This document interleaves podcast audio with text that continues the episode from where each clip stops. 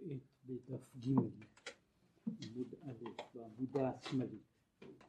מה שדיברנו באחרונה היה בעניין הזה של מצוות עשה ומצוות לא תעשה ובהתחלת הדיון בכל העניין הזה של מצוות לא תעשה. כלומר אה, במידה מסוימת די ניכרת המאמר עוסק בצד הזה של, ה, של המצוות וגם בבעיה של לערפי הסטרא אחרא שהיא קשורה בעניין של אה, מצוות לא תעשה. ועוד ידובר פה הרבה בעניין הזה בהסברת הנקודה של מצוות לא תעשה. תחילה הוא מדבר על מצוות עשה ואמר שמצוות עשה הן בעצם מה שהוא אומר רמ"ח פיקודים, רמ"ח מצוות, הם רמ"ח איברים דמלכה. וכדי להסביר קצת את העניין הזה של רמ"ח איברים דמלכה, יש, ה... יש פה ביאור מסוים, שעיקרו של דבר אומר שעבר במשמעות המופשטת יותר של המילה הוא הכלי שבו הנפש מגלה את רצונה. אמנם לזכור שהכלי הזה איננו אחיד, כלומר אה, הנפש, אה, נאמר ככה, זה לא כל כלי הוא עבר, אבל, אה, אבל כל עבר הוא במובן זה כלי עבור הנפש, שבו הנפש מגלה את עצמה בעשייה בעשייה בפעולה מסוימת שבדרך כלל בניגוד לנפש עצמה שהיא כללית, כוח חיות כללי, הרי העבר כוח חיות פרטי שיש לו אופי מסוים, דרך מסוימת. כמו שהוא הסביר שיש יחס בין הנפש למטה, שהוא למעשה זהו המודל שלנו, הנפש, הארת הנפש וכוח הנפש באיברים, כך יש גם למעלה. עכשיו הוא ידבר קצת על העניין הזה וכך יובן על דרך משל למעלה עניין רמ"ח איברים דמלכה, שהוא כמאמר הידוע אי הוא וחיו אחד, אי הוא וגרמו אחד. הוא וחייו, כלומר הוא וחייהם של הספירות הם אחד, שהוא הקדוש ברוך הוא והחיים שבתור הספירות מאוחדים, אי הוא וגרמו אחד, הוא וכהכלים העצמים של הספירות הם גם כן אחד, משום שהאחדות בניגוד למה שיש בכלים אחרים שבהם הכלי הוא דבר, דבר חיצוני וזר לגמרי, הרי לגבי, לגבי הנושא הזה הכלי מאוחד עם בעל הכלי. באחדות יותר גדולה מזו שיש בין, אה, בין, ה, אה, בין נאמר הגוף והנפש, אבל פי שהדימוי הזה של הספירות ואור הספירות לגוף ונפש נמצא כבר בזוהר, ההשוואה הבסיסית הזו קיימת כבר בזוהר ושם הוא מדבר על זה שה, שהחיים שבתוך הספירות הם כמו הנפש שבתוך הגוף, אבל בתוך פרטי הדברים האור הזה בניגוד לעבר הגופני או וכל שכן הכלי החומרי שהוא מנותק לגמרי מבעל הכלי ושהוא מבחינה זו קיומו איננו מותנה בבעל הכלי ואיננו מאוחד איתו, מה שאין כן, וזה נכון לגבי איברים במובן אחד, אבל נכון הרבה יותר לגבי הספירות, שגם עצמותן, כלומר כליהן, החיצוניותן של הספירות, אף היא מאוחדת עם הקדוש ברוך הוא. שתי חיות הוא האור והחיות הנמשך מאינסוף ברוך הוא, להיות מתלבש בבחינת חסד. למשל, יש אור מסוים שמתלבש בספירה של חסד, והנה, החסד נקרא, בלשוני הזוהר הוא נקרא דרוע, זרוע, שהוא עבר, הוא כלי לאור זה, אור וחיות זה הפשוט הנמשך מאינסוף ברוך הוא, דלאו מכל עינוי מידות יהיו כלל. האור שנמשך מאור מאינסוף איננו מסוים, אלא הוא אור כללי, אבל הוא מקבל בתוך הספירה לפי מהותה ולפי עניינה של הספירה הוא מקבל את הערתו הפרטית ואת אופיו הפרטי. יש דימויים עתיקים בספרי קבלה ישנים, למשל דוגמה אחת היא שאני מכניס מים לכלים, כלים שקופים בצבעים שונים. אם כן יש לי מים ירוקים, מים אדומים, מים כחולים, המים אינם מים כחולים או אדומים, המים הם אותם מים, אלא שבתוך הכלי, בתוך כלי כחול אני רואה מים כחולים, בתוך כלי אדום אני רואה מים אדומים. וכיוצא בזה, כאשר אני, אה, האור של, ה, של ה, האור הפשוט, שהוא אחדותי, מקבל את צורתו ואת אופיו המיוחד בתוך הספירה הזו. ומדוע? שאור זה שמכיוון שהאור לאו מכל עניין מידות לא כלל, הוא לא שייך לכל אותן המידות, זאת אומרת לא למידת החסד, לא למידת הגבורה, האור הזה הוא אור אינסופי ופשוט במובן שהוא איננו נכנס להגדרה כלשהי מסוימת. עכשיו, והרי אם כן, אי וחיו אחד, שאור וחיות זה מיוחד במקורו אינסוף ברוך הוא.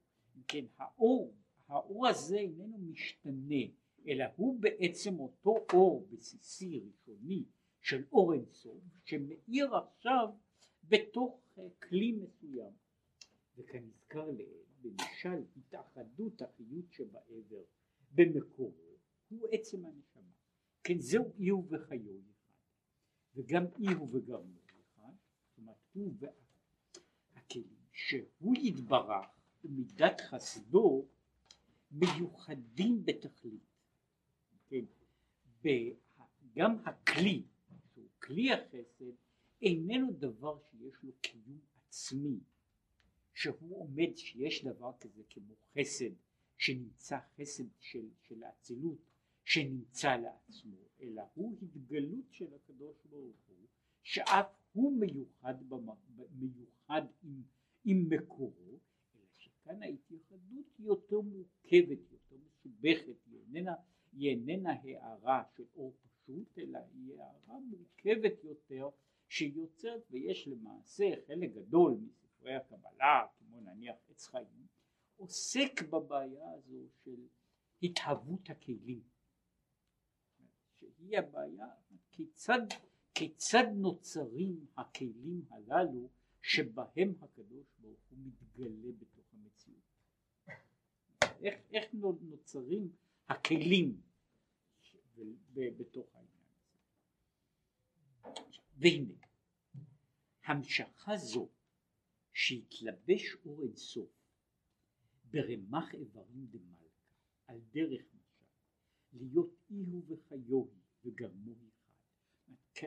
כיצד מגיעה המשכה זו שהקדוש ברוך הוא, שהמהות האינסופית מתגלה בתוך התבנית, התבנית הזו של שהיא באופן כללי מאוד עשר הספירות שהן נקראות כאילו איברים, אבל האיברים הללו כוללים בתוכם פרטים ופרטי פרטים שהם מה שנקרא קומה שלמה, מהות שלמה שכוללת את כל הפרטים ופרטי הפרטים. הוא על ידי רמ"ח מצוות עשה. כן רמ"ח מצוות עשה ממשיכות את האור בתוך הכלי. הן מגלות את האור האלוקי בתוך המציאות, בתוך המציאות, ועל ידי זה אורו של הקדוש ברוך הוא מתגלה בתוך המציאות של העולם. כגון, למשל, על ידי מצוות צדקה וגמילות נמשך בבחינת חסד דרוע ימינה. כן זהו מצוות הצדקה, מצוות גמילות חסד, היא המשכה הארה של החסד האלוקי בתוך המציאות של העולם ועל ידי זה אני אומר שעכשיו האור הזה החסד האלוקי עכשיו מאיר בתוך המציאות של העולם עכשיו הוא לא נכנס עכשיו לכל הפרט הזה אבל הוא מאוד משמעותי והוא גם קשור לבעיית, לבעיית המצווה כמצווה ולבעיית הביטול במשמעות, בעשיית המצווה. כאשר אני עושה מצווה, למשל של חסד, של צדקה,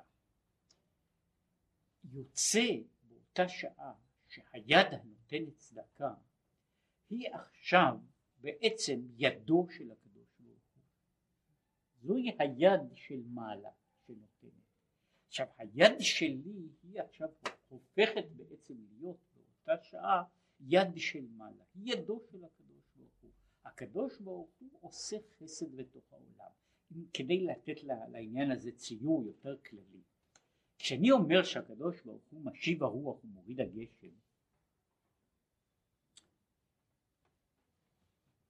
אני אינני אומר שיש דבר כזה שהנה אין, יש עין גמור בתוך העין הזה נוצר הנס של הרוח או הנס של הגשם. יש לדבר הזה, לגשם, יש לו כלי.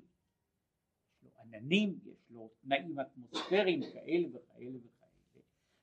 אומר הקדוש ברוך הוא משיב הרוח ומוריד הגשם, על ידי זה, על ידי העננים, על ידי הרוחות, על ידי תנועת כדור הארץ, עם כל מה שיש בזה. סוף סוף זה מקצוע שלם שעוסק בעניין הזה ועדיין אינני יודע לנבא מה יהיה בדיוק מחר, כן? כל, ה, כל הנושא הזה כולו הוא מעשיו של הקדוש ברוך הוא שהוא משיב הרוח ומוריד הגשם או אה, שאר דברים שבעולם. עכשיו במובן הזה שאני אומר החסד האלוקי אז נאמר שהוא גם כן אגב איזה צד של חסד אלוקי שהוא מתגלה בזה בירידת הגשם לברכה יש לו כלי הכלי שלו הוא הענן.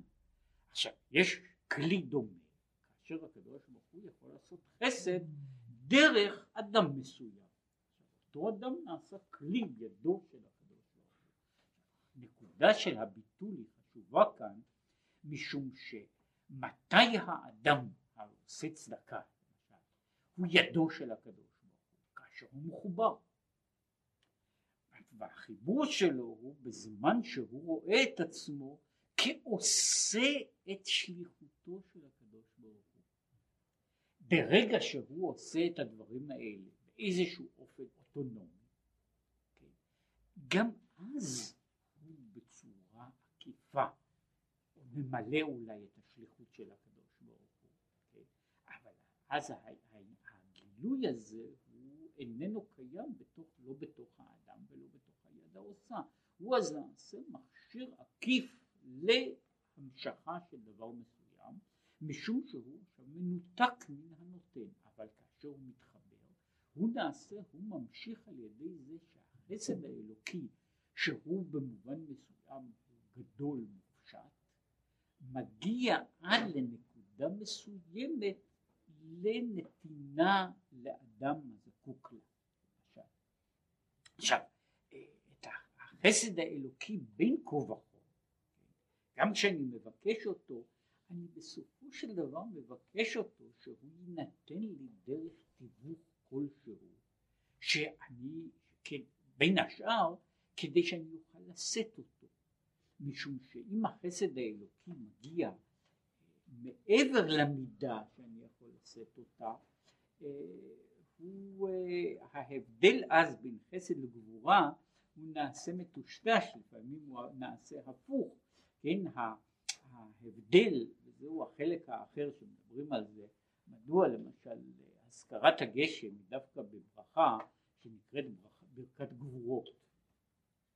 כן? מדוע? משום שאני לא רק מבקש על גשם, אבל אני מבקש על גשם שהוא יהיה גשם ולא מבול. כן? ההבדל, מה שכאשר יורד מבול בעצם זה גם כן גשם, אלא שהגשם יורד בלי מידה. אומרת במובן זה אני זקוק כל הזמן לגבורה, אומרת לצמצום שיצמצם את הנתינה הזו לגדר שאני יכול לשאת בו, מפני שאינני יכול לשאת ברוב טובה. ורוב המציאות של העולם, ורוב בני, בני העולם, אינם יכולים לשאת לא, לא בחסד הגדול ולא בגבורה הגדולה, אלא אנחנו חיים כל הזמן, כל מערך החיים שלנו, ולא רק שלנו, אלא של כל היצורים של מעלה ומטה, כולנו חיים בתוך מרווח די קטן של תנאים שבהם אנחנו מסוגלים להתקיים. וברגע שאנחנו יוצאים, וזה לא משנה לאיזה צד זה יוצא, בין שזה יוצא ליותר או לפחות, אנחנו איננו יכולים לשאת בזה. למעשה כל, כל המערך הקיום שלנו הוא בזה מה שאפשר לקרוא לו בחסדים ממוזגים בגבורות ולולי זה איננו יכולים לחיות אפילו שעה אחת בכל תחום שבעולם. כן, העניין הזה של, ה, של, ה, של הנתינה האלוקית הוא נעשה למשל על ידי החסד, האיש נעשה כלי בשביל החסד האלוקי ועל ידי זה מואר כל ההמשך הזה של חסד הוא עכשיו מואר, מתמלא. אה, ומצד אחר, על ידי קיום מצוות דינים. יש מצווה שהיא מצווה לדון דין תורה. בכלל, ובכלל בפרט יש מצוות, מצוות יותר חמורות, יש מצווה לדון דין מלכות ויש מצווה לדון דיני מיתה. על ידי זה, על ידי זה נמשך מגבורה שהיא דרוע שמאלה.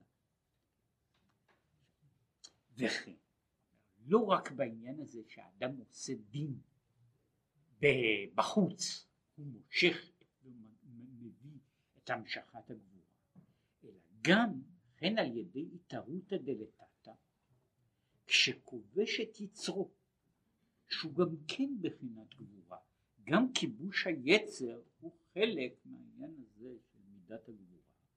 כמאמר חז"ל, איזה הוא גיבור? כובש את יצרו.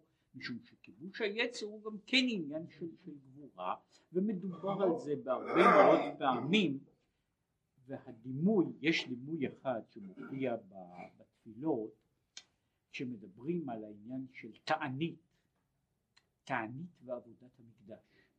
כאשר היה בית המקדש קיים הקרבנו קורבנות מן הבהמה עכשיו בן אדם יכול להקריב רק את החלב והדם של עצמו אבל יש קורבן הרבה יותר קשה, זה שבן אדם מקריב את הנפש הבהמית של עצמו, כן? שזהו קורבן שהרבה יותר קשה להקריב, כן?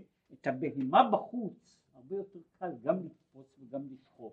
את הבהמה בפנים אה, זה יותר מסובך קודם כל לזהות אותה, אבל אחר כך לתפוס אותה, לקשור אותה וכל שכן לשחוט אותה, זהו מערך הרבה הרבה יותר מסובך כן, עד שהוא נעשה, וכשאדם עושה את זה, וזה מה שהוא אומר, מה שכתוב בתהילים, זבחי אלוקים רוח נשבר.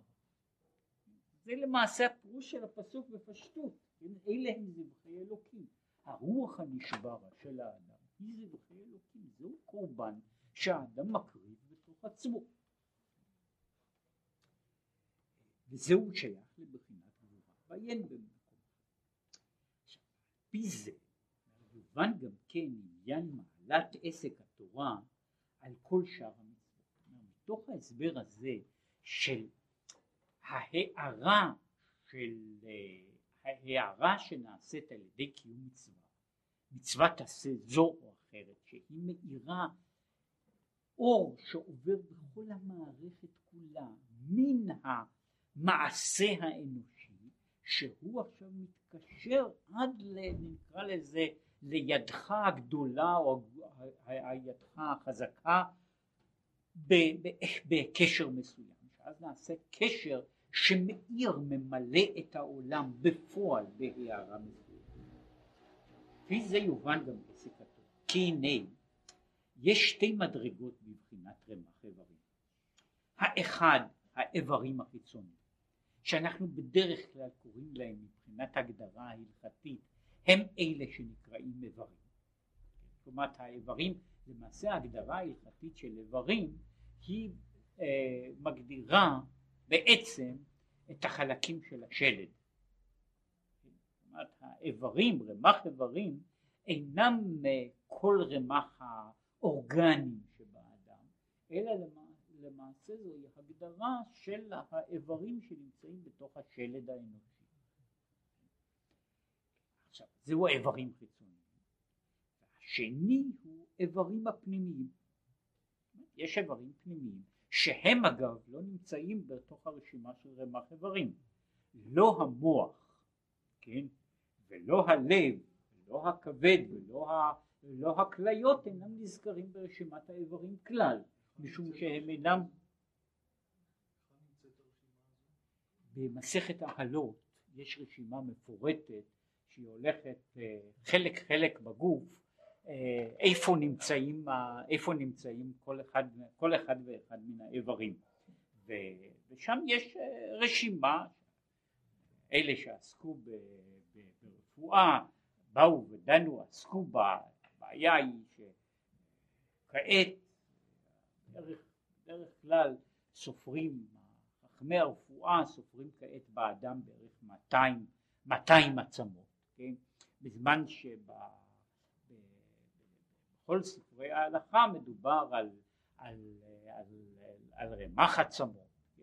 יש על זה יש על זה כמה דיונים וכמה תיאוריות שהן תלויות ב, בשאלה איך, איך בעצם מגדירים כל, כל עצם לעצמה וכנראה זה קשור זה נראית לי כל פנים תיאוריה, תיאוריה טובה, שזה היה קשור גם באמצעי הבדיקה, מפני שבזמן בזמן של חז"ל הם עשו גם איזושהי עבודה ניסיונית, ועבודה ניסיונית כדי לקבוע את מספר האיברים הייתה על ידי שליקה, זאת אומרת בישלו גופה עד שכל הבשר התמוסס, כן?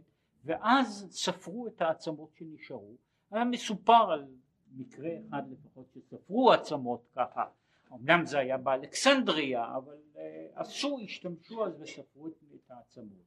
עכשיו כאשר משתמשים בשיטה הזו, וזה אז תלוי גם באיזה גיל הסובייקט, uh, כל מיני חיבורים של סחוס נמסים גם כן. ואז נוצר נוצר מספר יותר גדול של עצמות והרופאים טוענים שבאמת 248 הוא מספר, המספר המקסימלי של עצמות שיכול להיות בגוף, בגוף אנושי מפני שיש או גיל קטן יותר או גיל גדול יותר מפחית את מספר העצמות מטעם זה או מטעם אחר. כך שזהו המספר המקסימלי של עצמות שאפשר בשיטה הזו למנות אותם. וזה קשור אגב, אפשר, אפשר אז לקבוע אפילו באיזה גיל היה הסובייקט שבדקו אותו, כן? הייתה כנראה בחורה בת 17. כן? אה, בכל אופן, אה, לעניין, לעניין שלנו הוא אומר אלה הם איברים חיצוניים. עכשיו כל העניין ההגדרה של רמ"ח איברים היא קשורה לאיברים החיצוניים, כלומר לאיברים של השלד. עכשיו רוב עכשיו, השני הוא איברים הפנימיים. שאמרתי, כל האיברים הפנימיים שבגוף שאינם נכנסים כלל לרשימה הזאת. ועל דרך משל באדם התחתון, איברים הפנימיים בהם הוא התלבשות פנימיות החיות יותר מבאיברים החיצוניים. זה ברור שיש יותר כוח חיים ומשמעות חיים באיברים הפנימיים מאשר באיברים החיצוניים. ולכן אומר למשל יש לזה הוכחה הלכתית לכן רוב האיברים הפנימיים נקובתם במשהו זאת לגבי הלכות טרפות כאשר יש נקב באחד מהאיברים הפנימיים הנקב הזה נקב כלשהו עושה את האיבר טריפה מה שאין כן בזמן שיש מום באיבר חיצוני אז יש צורך בחבלה מסיבית כדי שהדבר יהיה טריפה. מדוע? וזה פשוט בתוך העניין. הטריפה היא הגדרה ש, שבעל חיים מסוים איננו מסוגל לחיות יותר עם פציעה כזו. עכשיו פציעה של, של עבר חיצוני, אפילו נטילתו של עבר חיצוני, היא, היא, לא, היא לא גורמת מיתה, כן, חור קטן בקרום המוח הוא מספיק. בן אדם, בן אדם או, או, או להבדיל בהמה יכול לאבד יד או רגל ועדיין, ועדיין להישאר, להישאר קיים. כי פירושו של דבר הוא אומר שהאיברים הפנימיים הם איברים, כמו שגם רואים מבחינה פונקציונלית, האיברים הפנימיים הם איברים שהחיות שבהם היא גדולה יותר, וכוחם והשפעתם לגבי המכלול הוא הרבה יותר, הרבה יותר גדול, הרבה יותר חשוב. עכשיו מה שאין כן באיברים החיצוניים, הנמשל יובן, עכשיו הוא מוסיף כמובן, אף על פי שאין לו גוף ולא דמות הגוף. אנחנו הרי כל הזמן משליכים מהגוף, מהגוף שלנו כלפי מעלה. עם כל זאת דיברה תורה כלשון בני אדם והתורה מדברת על בצלם אלוקים עשה את האדם זאת אומרת שמבנהו של האדם הוא מה שקוראים לזה דגם לתבנית של מעלה. אף על פי שתבנית של מעלה אי אפשר להעריך אותה לא בגוף ולא בדמות הגוף אבל מה שאנחנו למדים מן העניין וזה הלימוד שהוא קבוע פה מתחילת, נאמר, מדף א' עד הדף האחרון, הוא בזה שאנחנו יכולים ללמוד את היחסים, כמו שיש יחסים של מטה בין איברים שונים, כך יש יחסים למעלה בין איברים של מעלה. כלומר האיברים אינם, אנחנו מדברים עליהם בצורה, אנחנו מפשיטים אותם מאיזושהי צורה גופנית וחומרית, ואנחנו לוקחים את ה... כאילו את התמצית, את השורש של הדבר, אנחנו אומרים שזוהי התבנית, זהו הצלם, הדמות של מעלה. כן, וכאמור, רק להוסיף, גם כאשר אנחנו מדברים על הצלם והדמות, אנחנו מדברים על התגלות אלוקית, כמו שהוא קורא לזה, כמראה אדם. כן? כאשר הקדוש ברוך הוא מתגלה במה שהוא קורא לזה בקומה, ברמ"ח איברים, כאשר הוא מתגלה בתוך המציאות, ההתגלות הזו יש לה מבנה כללי שאנחנו קוראים לו מבנה אדם. כן?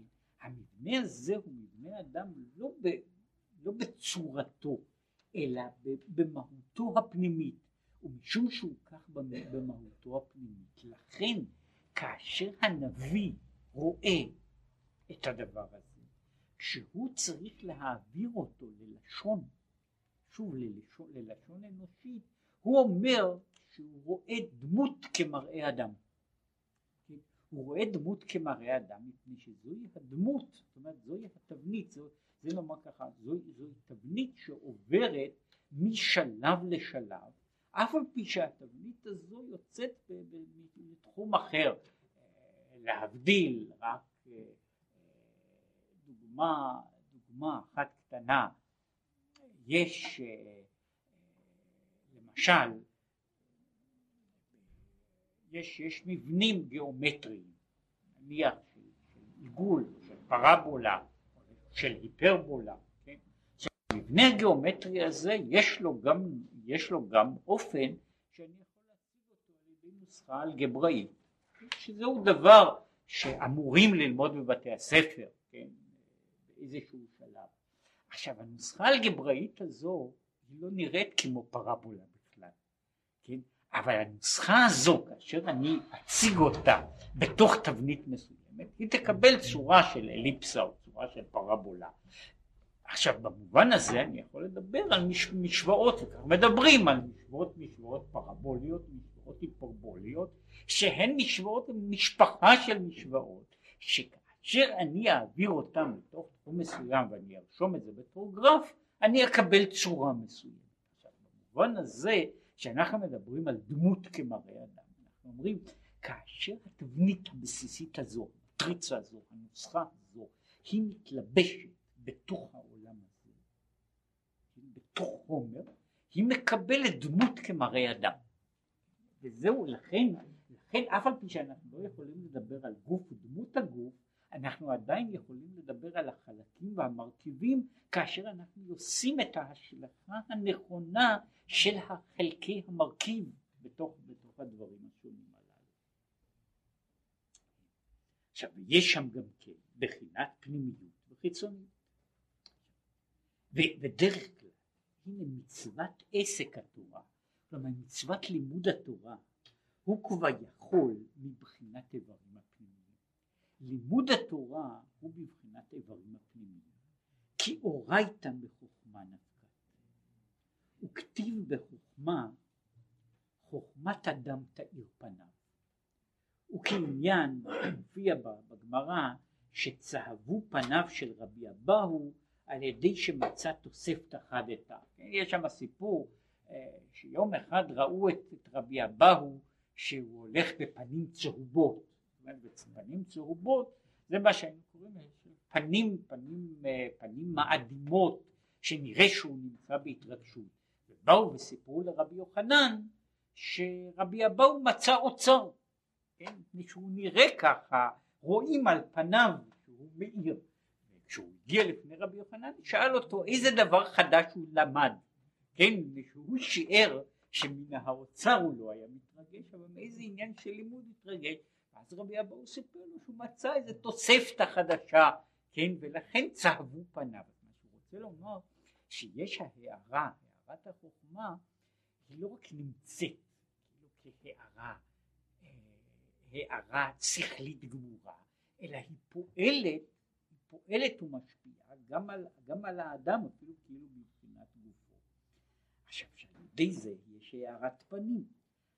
כך נמשך למעלה להיות יאר השם פניו אליך, הארת פנים של מעלה, שהיא בחינת פנימיות.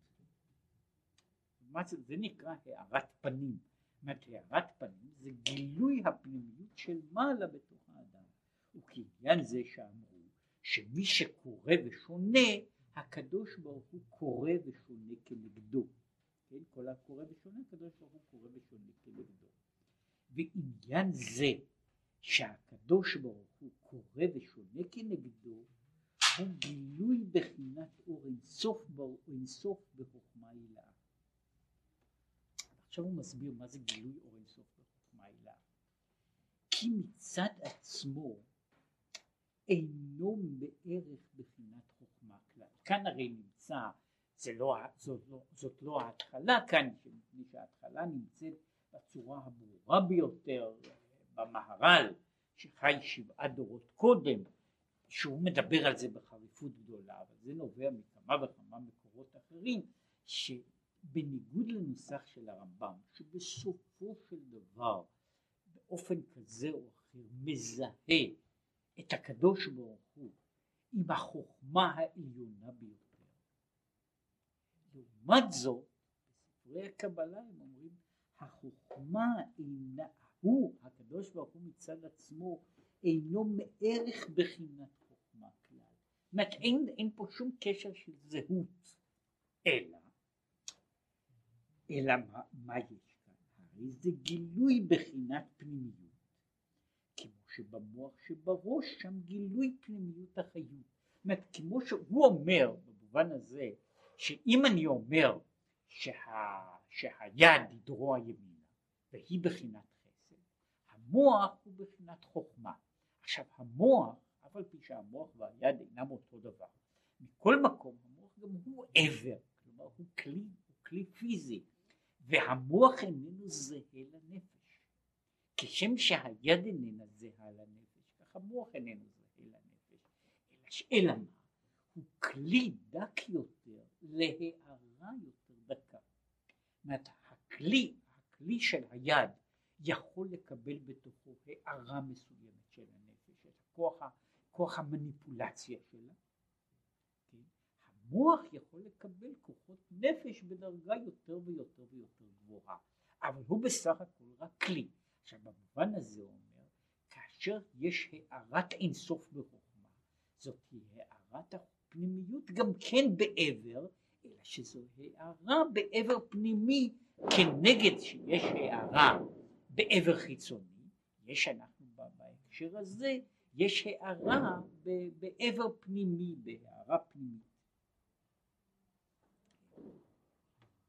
וזהו, כן, והרי זה גילוי בחינת פנימיות, כמו במוח שבראש, שיש שם גילוי פנימיות החיות, וזהו מה שאנחנו אומרים בתפילה, כי באור פניך נתת לנו תורת חיים. זאת אומרת, הארת הפנים שלך היא מתן התורה לנו.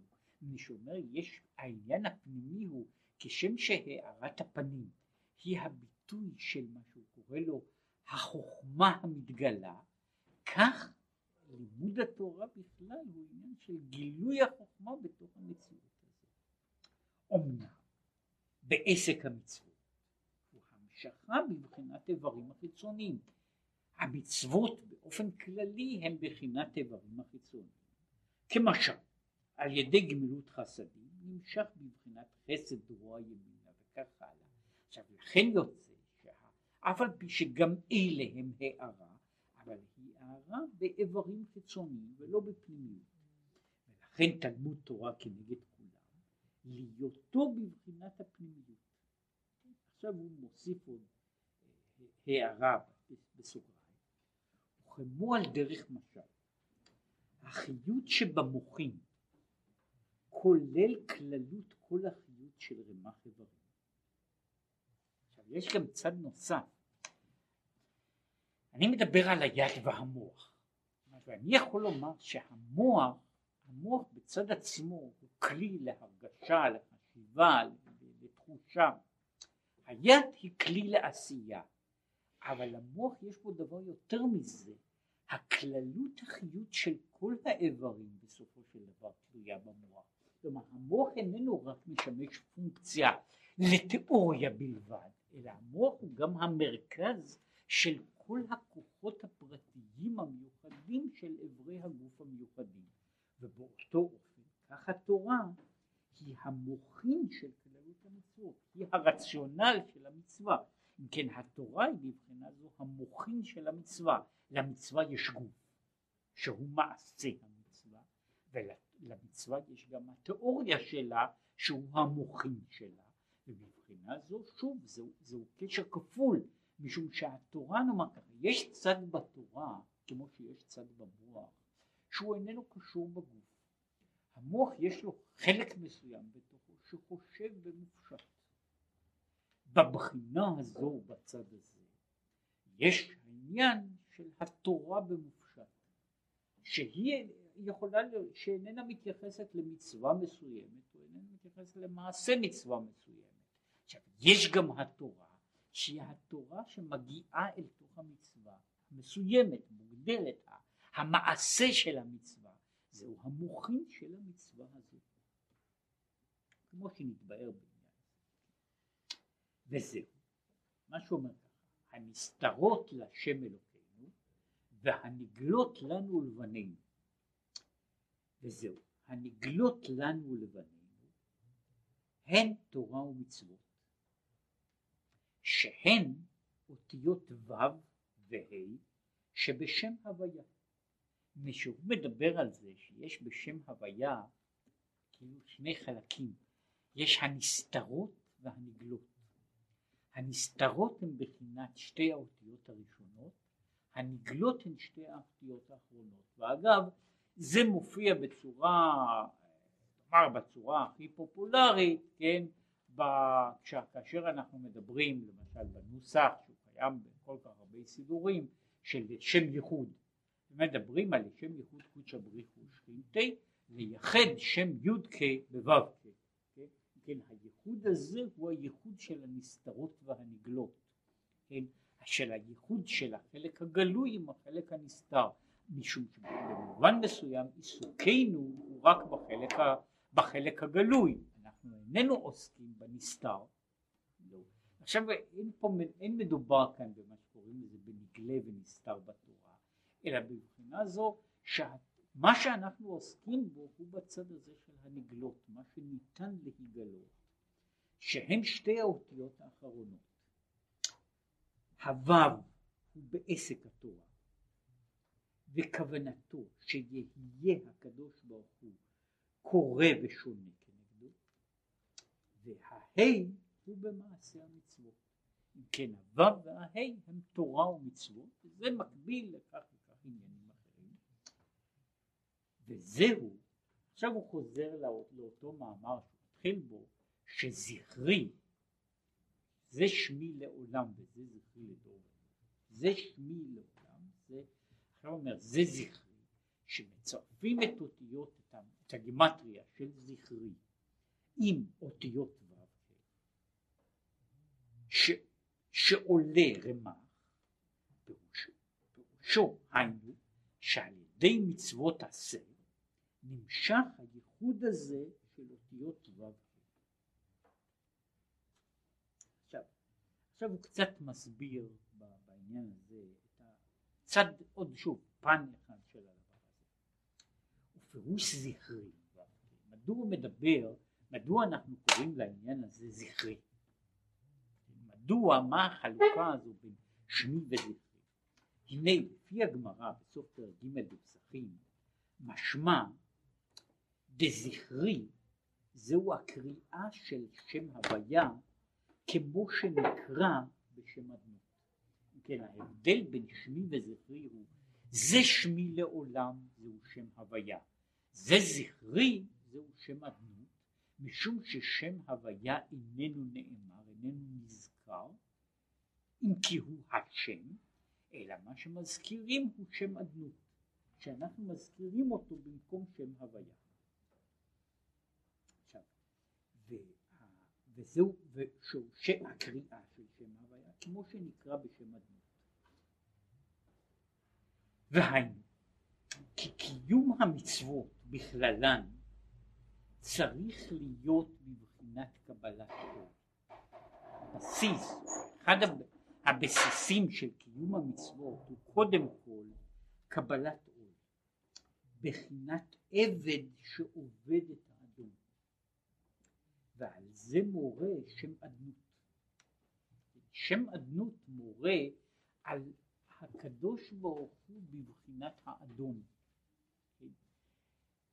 אם שם הוויה מדבר על, על, על הקדוש ברוך הוא בבחינת היוצר, בבחינת המקיים, בבחינת המחיה, שם אדנות מדבר עליו בבחינת האדון, בבחינת המושל, המולך, כמו שיעיין מה שמתבאר במקום אחר. ואם כן, פירוש זכרי עם פירושו שעל ידי מצוות עשה ממשיכים גילוי שם הוויה בשם אדנות. שם הוויה אז מתגלה בתוך שם אדנות, שהרי המצוות בעצמן הן הגילוי של ההוויה, של המהות של הוויה. וכאשר הן מתגלות בפועל על ידי זה שהאדם מקבל על עצמו מה שקוראים עול מלכות שמיים, על ידי זה שם הוויה מתגלה בתוך בתוך שם אדנות. על דרך מה שכתוב והשם בהיכל קודשו. השם הוא בבחינת השם בעצמו. היכל קודשו הוא שם אדנות. ובהיקף מסוים, וזה, וזה נכון שוב בכל האופנים של הייחודים ולשם ייחוד ובכל הדרגות של ייחוד שאנחנו קולטים, תופסים בכלל בתוך המציאות. כל העניין של הייחודים הוא לייחד ולצרף את המהות האינסופית בבחינת הוויה עם המקום, המשכן של הקדוש ברוך הוא שהוא בבחינת הדמות, בבחינת הכיסא, המקדש. השם נמצא בהיכל קודשו, פירושו אותו דבר שהוא דיבר בו, ההארה של האינסוף בתוך ההארה של האינסוף בתוך המקדש. עכשיו באופן מסוים כל מעשה מצווה הוא השם בהיכל קודשו. הקודש בתוך המקדש. המהות של הקודש מאירה בתוך המקדש ואז היא נעשית, נעשית הוויה. וכעניין מה שאומרים על כוונת אמן ויש אה, אם בן אדם היה רוצה לעסוק בכל כוונות אמן היה צריך להעריך הרבה באמירת אמן, אבל אחד, אחד העניינים שיש בכוונת אמן הוא שאמן, אמן, הגימטריה של אמן שהוא 91 הוא חיבור הוויה אדנות. 26 ו-65, כן? שהם, שהם שם הוויה ושם אדנות. אם כן אמן הוא בעצמו החיבור של הוויה אדנות. וזה אגב מי שמכיר עכשיו, עכשיו מאוד נפוץ, כמעט בכל סידורי הספרדים, פה ושם גם בסידורים אחרים, יש בברכות בשם השם יש מה שקוראים לזה שילוב שיש בו אותיות הוויה ואדנות שמופיעות בבת אחת, כן, שכותבים שם אדנות בתוך שם הוויה ושכותבים את שם הוויה ושם אדנות כאחת וזהו העניין של חיבור הוויה אדנות שהוא אמן שהוא הצירוף הזה של הוויה אדנות, עיין מה שמתבאר בכמה מקומות שהוא מדבר על העניין הזה. עכשיו הוא מאיר גם אה, במקום אחר שזה קשור לא, לא, לאותו דבר במאורי אור אות זין פירש דזכרי בדחורה זכרי הוא עניין של זכר. עכשיו מבחינה זו וזה קשור אחר כך קצת ייגע עוד בעניין הזה של העניין הזה של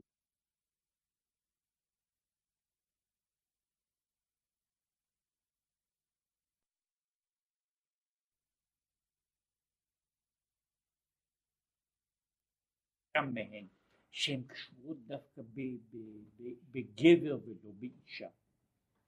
מה שבמצוות לא תעשה במציאות כמעט שאין הבדל, כן? זאת אומרת, לא יודע אם זה בוודאי לא, לא יקרא עלבון לנשים שנשים אינן מצוות על גילוח הזקן, כן, מותר להן לגלח את הזקן, כן, אבל, אבל מעבר, לה, מעבר לעניין הזה התמצית היא של, של, של מצוות עשה ומצוות לא תעשה גם בצד הזה מבחינת המהות הפנימית והוא עוד ידבר בזה שמצוות עשה היא בבחינה של פעולה אקטיבית שהיא הפעולה שפורצת אל תוך העולם. כל מצוות עשה ביסודה היא פעולה היא פעולה אקטיבית, פעולה, פעולה ש, שמכניסה דברים אל תוך המציאות של העולם. בזמן שכמו שהוא יסביר אחר כך, מצוות לא תעשה פועלת בצורה לגמרי אחרת. מצוות לא תעשה איננה יוצרת אור על ידי מעשה, אלא היא יוצרת מציאות על ידי מחדל, על ידי אי עשייה. ההגדרה של מצוות לא תעשה היא הרי משמעות והערה שנובעת מתוך אי עשייה, שנובעת מתוך אי עשייה, בזמן שבצוות עשה כל כולה הוא הפעולה האקטיבית שהיא פורצת אל תוך המציאות, אל תוך העולם, היא מכניסה דברים אל תוך, אל תוך מציאות העולם, היא מדליקה אור בתוך העולם, היא עושה שינוי, שינוי בתוך העולם, בזמן שמצוות לא תעשה היא במהותה שוב, באופן כללי מאוד, מצוות לא תעשה היא ביסודה פסיבית. פסיבית. מצוות תעשה היא כל כולה העניין הזה של, ה, של הדבר האקטיבי. לכן אני מדבר על זה, העניין הזה של זה זכרי עם ו' ק' שהוא שייך למצוות תעשה, הוא קשור כל כולו למהות האחת של רמ"ח מצוות תעשה. כאן הוא מסכם את העניין הזה ששמי עם י"ק שא לא תעשה, זכרי עם ו"ק רמ"ח מצוות תעשה, והוא התחיל, הוא שאל רק את השאלה לפי זה מדוע מצוות לא תעשה גבוהים ממצוות תעשה. עכשיו כדי להסביר את העניין, קודם הוא הסביר את גובה מצוות, לא, מצוות תעשה. רמ"ח מצוות תעשה הם רמ"ח איברים דמלכה, שהם המשכת אור אינסוף בעשר ספירות עד למטה מטה והתורה, יש המצוות שהן בבחינת האיברים, התורה היא האיברים הפנימיים וזה פירוש זכרי עם ו"ק. עכשיו כל זה דיברנו על מצוות עשה ועל מהותן. כאן אנחנו מתחילים לדבר על, ה, על המשך העניין שהוא העניין מה מהותן ומעלתן של מצוות לא תעשה שמכל הצדדים הן נראות לנו אה, לראות בתוך העניין, קודם כל פחות מרשימות, ודאי, כן, מצו, מצוות עשה היא דבר מרשים, מצוות לא תעשה היא דבר לא מרשים, אדם שהתגבר על, התגבר וקיים מצוות לא תעשה בגבורה יתרה, עדיין, עדיין עשה, לא עשה שום דבר, כן, זאת אומרת אדם יכול לקיים אה, לשבת, לשבת בשקט ולקיים כמה וכמה מצוות לא תעשה. מצוות תעשה אי אפשר לקיים בנוחיות כזו. אבל שמי י"ק שהם במצטרף שסה לא תעשה הם נמשכים מבחינת י"ק שעל זה נאמר הנסתרות לשם אלוקים. זה שייך למדרגה של הנסתרות. אם מצוות עשה הן בבחינת הנגלות לנו ובנינו, מצוות לא תעשה הן בבחינת הנסתרות לשם אלוקים, שהן למעלה מבחינת ו"ק. וביאור עניין לשון נסתרות שנקרא כן בחינת י"ק. מדוע לשתי, לחלק הראשון של השם אנחנו קוראים הנסתרות ולחלק האחר אנחנו קוראים הנגלות. הוא עכשיו מדבר קצת בעניין. דהנה כתיב והחוכמה מאין תימצא. פירוש שהחוכמה היא ראשית הגילוי בהשתלשלות. זאת אומרת כשיש השתלשלות של, של, של קומה שלמה החוכמה היא המדרגה הראשונה בהשתלשלות. והוא היוד של שם הוויה. ועל זה אמרו חז"ל שביוד נברא העולם הבא בה' נברא העולם הזה. פירוש שמהחוכמה שהיא בבחינת יוד נמשך בבחינת בינה שהוא הבנת והשגת אלוקות, שממנה שורש העולם הבא, זאת שכל העולם הבא הוא בעצם במדרגת הבינה, ש, ששם יושבים ונהנים מזיו השכינה, להנחיל לו הווה יש ואוצרותיהם המלא. עכשיו כל העניין של העולם הבא, כמו שהוא אומר, איננו בבחינת החוכמה, אלא בבחינת הבינה, משום שהבינה היא ה... היש לעומת החוכמה. הבינה היא הדבר, שאומר ככה, הצדיקים כדי שיהיו הצדיקים יושבים ונהנים מזיו השכינה, זיו השכינה צריך להיות דבר כזה שניתן לאיזושהי השגה. דבר שאיננו ניתן לה, להשגה אי אפשר ליהנות ממנו. זאת כל העניין וזה לא חשוב באיזה מדרגה, אי אפשר שתהיה, שתהיה תחושה של הנאה בזמן שאין לי שום השגה בדבר. השאלה היא מהי דרגת ההשגה היא כמובן היא תלויה בדרגת המשיג והמושג ובקשר בדברים ועל זה יש הרבה מאוד מאמרים על העניין לפעמים האם השגה נמוכה בדבר, השגה טובה בדבר נמוך עדיפה על השגה קלושה בדבר גבוה, כן? ויש בזה צדדים באמת לכאן ולכאן, באמת השאלה היא האם אה, אה, קשר שלם עמוק אה, עם דבר שאני יכול להשיג אותו הוא במדרגה יותר גבוהה מאשר קשר קלוש עם דבר שאני יכול רק להשיג אפס קצה. בכל מקום הוא אומר, בחינת העולם הבא, וביתר שאת, בחינת גן עדן, בחינת בינה. להנחיל אוהבה יש. וזה הוא אומר, בעצם יש מאין. הבינה שנובעת מהחוכמה היא צד מסוים של יצירת יש מאין. כי החוכמה היא עדיין בחינת עין. זאת החוכמה מאין תימצא. החוכמה היא אומנם, היא ההתחלה של היש, אבל היא יש מאוד קלוש. רק הבינה היא יש ממשי. ואם, זאת אומרת, להגיע לעניין הזה, שהוא פה לא, לא נכנס אליו, לעניין, לדימוי או לעניין האנושי, אם אנחנו מדברים על הבינה, הבינה היא מה שאנחנו קוראים לו השכל הפועל. בכל מה שיש בו במה, בתחום ההכרה, ההשגה וההבנה שלו. כל זה הוא יש. עכשיו מעבר, מעבר לבינה יש נמצאים הגרעינים, הניצוצות, הבסיסים, שמהם השכל הזה מתפתח. זאת אומרת נמצא הרעיון מבחינה של החוויה האנושית, אותה תפיסה שהיא חצי אינטואיטיבית, שהיא תפיסת, תפיסת האמת, תפיסת ממשות, תפיסת רעיון. אחר כך הרעיון הזה מגיע לאיזשהו שלב שהוא ניתן לניתוח, לדיון, לדיבור, ולא פעם קורה, זה קורה לכל בן אדם שחושב לפעמים מחשבה גדולה ומחשבה קטנה, המפגש עם החוכמה שאיננה מגיעה למטה. לבן אדם יש איזה, איזושהי הברקה, אבל הוא איננו יודע מה.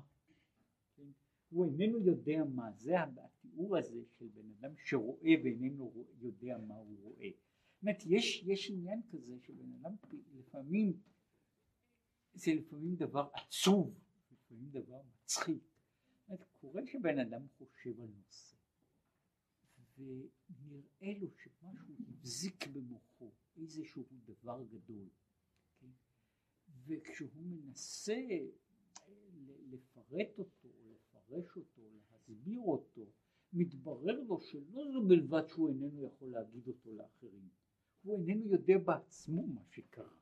אומרת, אבל הרעיון הגדול, עכשיו, הרבה פעמים, וזה מה מכאן, אחד הדברים העולים מכאן, אומרת, הרבה פעמים נדמה לאדם שאם היה דבר כזה, זה היה בוודאי שטות, חלום, דמיון, הוואי, זה בכלל לא חייב להיות יכול להיות ברק של, של מחשבה, שלא הגיע לכלל הגשמה, שהוא נשאר בתוך התחום הזה של העין בלי שיוכל להגיע לבחינת היש. לפעמים זה מביא אנשים לידי ייאוש, מפני שבן אדם יושב על איזה דבר, ועכשיו נדמה לו שמשהו נפתח לפניו, ועכשיו הכל יהיה ברור. כן? עכשיו אני מנסה לתפוס את הדבר הזה, ומתברר שאין שם במה להיתפס, הדבר עדיין כל כך לא, לא ישי, שהוא איננו ניתן לתפס. עכשיו, יש מדרגה שבה, שבה הרעיון עובר מבחינת החוכמה לבחינת הבינה. עכשיו, כשהוא מגיע לבחינת הבינה, ושהוא ניתן, נקרא לזה, להתנסח בניסוחים, באופנים של הבינה, באותה שעה יש לי דבר. אני יכול עכשיו לקחת את הרעיון הזה, ועכשיו אפשר לעשות בו, לגדל אותו, להצמיח אותו, לפתח אותו. עכשיו כשבן אדם עבר מהשלב הזה, מהשלב שהוא חצי מדומדם של הברק, ברק המחשבה, לדבר שנכנס ליש, היש הזה עכשיו יש לו טיפול וטיפוח וגידול ואפשר לבנות ממנו אה, דברים, דברים מושלמים. עכשיו כשזה איננו קיים, אין לי פה, זאת אומרת יש פה הדימוי שמופיע בהרבה פעמים, זהו אותו דימוי כמו ש... אחד הדימויים הוא, מדברים על זה, על הברק המבריק, על הניצוץ. יש אותה, אותה בעיה כשבן אדם לפעמים מנסה להדליק אש בכל מיני דברים ומכשירים. יש הבדל ניכר בין ניצוץ לבין אש. וכשהניצוץ איננו נאחז במטריה הנכונה, הוא איננו יוצר אש, עכשיו יכול להיות שיש ערימה שלמה של ניצוצות, כן? ויש אנשים שהם אנשים מבריקים, משום שהם כל חייהם מלאים רק ניצוצות, והניצוצות הללו אין להם במה להיאחז. נשאר בן אדם ש... זאת יכול להיות שבשביל אחרים, בשביל אחרים, הוא אדם שלא עשה שום דבר ולא יצר שום דבר. האיש יכול להיות מלא ניצוצות, כן? אבל הניצוצות האלה לא נאחזו. לעומת זאת ניצוץ שנאחז באיזושהי מטריה, הוא יוצר אש. עכשיו את האש אני יכול להעביר למקום אחר, אני יכול להשתמש בה, אני יכול לעשות בה הרבה מאוד דברים, אבל בשביל זה היא צריכה סובסטנציה מסוימת, היא צריכה את היש, בזמן שהניצוץ הוא כאילו עומד על התחום, זאת אומרת הוא בא מן העין, ואגב הדימוי הזה של החוכמה שמביאים אותו, הדימוי שהחוכמה מאין תימצא, הוא התיאור שמתארים למשל כש, כשמכים שתי אבנים זו בזו ויוצא ניצוץ. אני יכול לומר ככה, בצד מסוים כאילו הניצוץ היה טמון באבן. כן? עכשיו אני הוצאתי מהאבן בזמן שהאבן בעצמה היא עין מבחינת אש, מבחינת אנרגיה, אין בה שום דבר. מן האבן הזו יוצא ניצוץ. עכשיו הניצוץ הזה עדיין איננו מדליק שום דבר. כן? כדי שהוא ייצור אש הוא צריך לעבור לדרגה אחרת, לדרגה של יש. עכשיו יש לנו כאילו מה שהוא קורא לזה דרגת הנעלם, מה שהוא קורא לזה האש שבאבן, כן? לעומת האש שבניצוץ, לעומת האש הבוערת, כן? שזה אלה מהדרגות של העין, של החוכמה ושל הבינה, כן? שהיא החלוקה הזו, החלוקה הזו של הדברים. עכשיו, לכן החוכמה היא בח... עדיין בחינת עין, מבחינה שלה, זאת אומרת היא, היא לא עין גמור, משום שהיא כבר ניצוץ, היא עדיין לא יש, משום שאי אפשר בניצוץ הזה, כשלעצמו אי אפשר לעשות שום דבר. כן? יש פה, אגב, כדי להסביר את העניין, הכפילות הזו היא משמעותית משני הצדדים, משום שהבינה בלי חוכמה גם כן איננה יכולה אני יכול להיות עם, עם עולם שלם, עם מחסן שלם של חומרים דליקים. Okay. ובזמן שאין שם ניצוץ, שום דבר לא ידלק. אומרת, יש, שוב, אני יכול לתאר, זה מאוד נדיר, שכמו שהוא מסביר במקום אחר, החוכמה והבינה לא מופרדים באופן כל כך בולט. בדרך כלל יש לנו תהליכי החשיבה שלנו הם uh, כמו תהליך החשיבה שאנחנו עושים, כמו שבן אדם uh, משתמש במצית פשוט, כן, והוא לא יושב ודואג לזה שקודם יוצא ניצוץ ואחר כך יש זה, נראה לאדם שמדליק את המצית זה נראית כאילו פעולה אחידה, כן, זוהי בעצם הפעולה של החשיבה הרגילה שלנו, החשיבה הרגילה שלנו בנויה על ניצוץ שמצא לעצמו איזשהו חומר דלק, זוהי חשיבה רגילה. אבל תאורטית שוב יכול להיות מישהו שיש בידו כל הכלים כדי לפתח רעיונות, אבל הוא כשלעצמו אינו יכול לייצר אותם, או שהוא מייצר אותם רק במידה מועטת מאוד. זה אגב, זה, זה מדהים שבכל התחומים שבעולם החלוקה הזו של, של, של חוכמה ובינה גם בתוך, בתוך אנשים היא מאוד קיימת אומרת, יש אנשים שהם במהותם מבחינת חוכמה, שהם יכולים לייצר רעיונות. ויש אנשים שיכולים לפתח רעיונות. עכשיו, זה לא תמיד אותם האנשים, ובבחינה מסוימת יש הם, הם, אה, הם, לא, הם, לא, לא מאותו מין ולא מאותו סוג. אומרת, יש, יש מישהו שיכול להיות במשך חצי שעה יאמר יותר רעיונות מאשר אחר יאמר בתוך, בתוך חיים שלמים.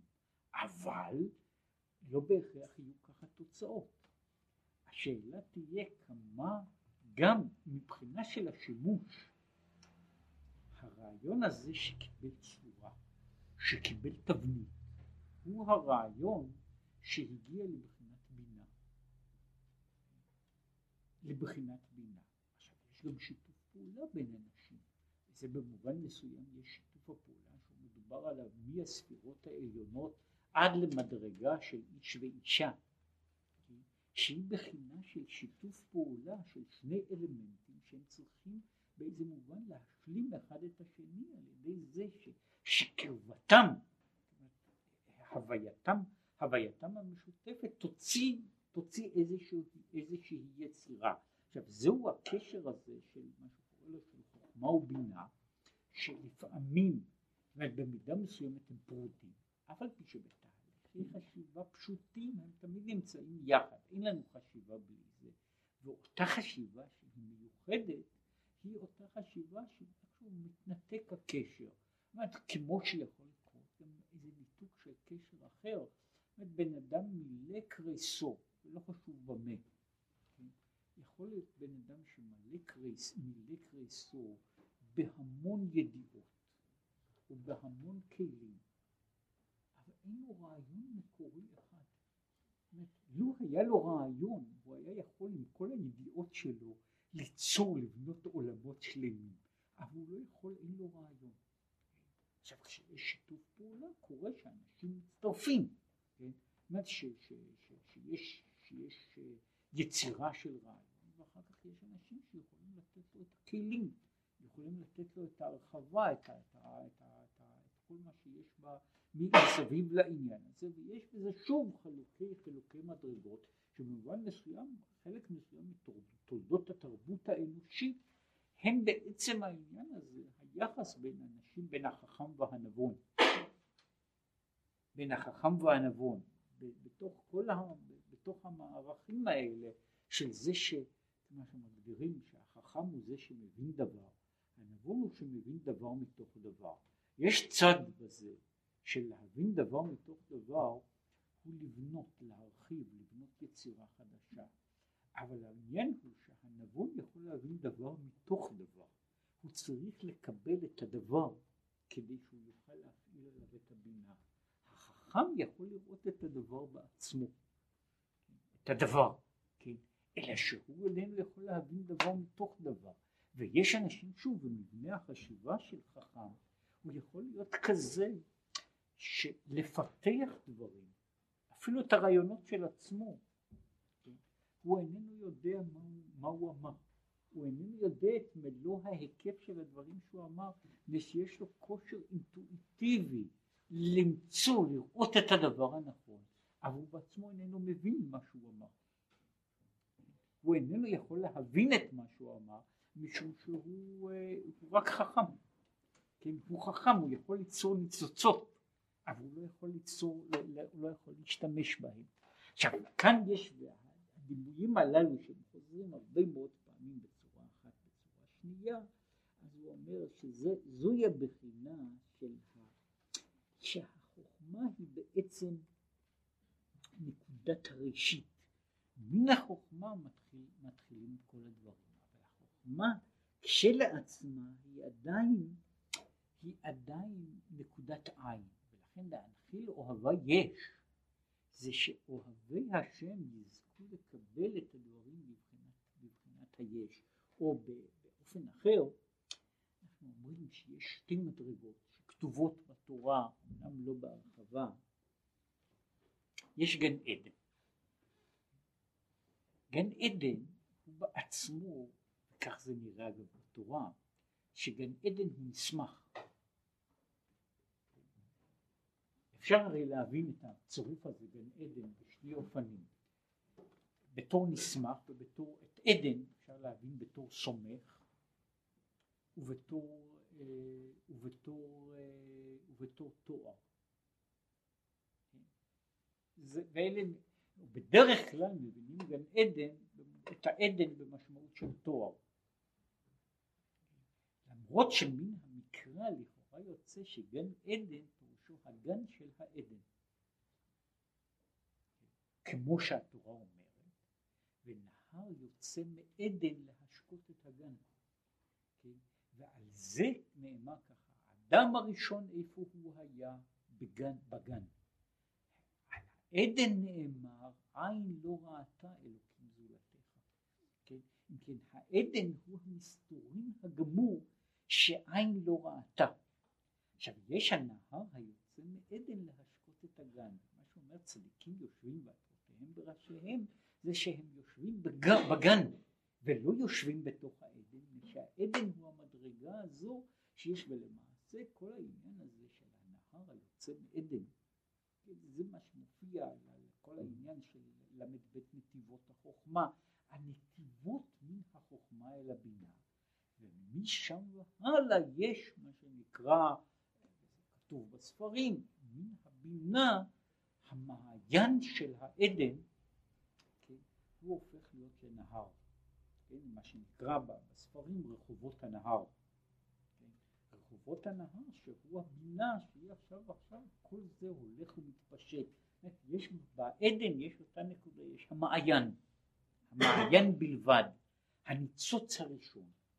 באגן הניצוץ הזה הופך להיות, הופך להיות ללהבה, המעיין הופך להיות לנהר, כן? ואז הוא שוטף וזורם ומשקה את כל, את כל מה שנמצא מבחוץ לו. לכן הוא אומר שהצדיקים יושבים בגן, ביש, כן?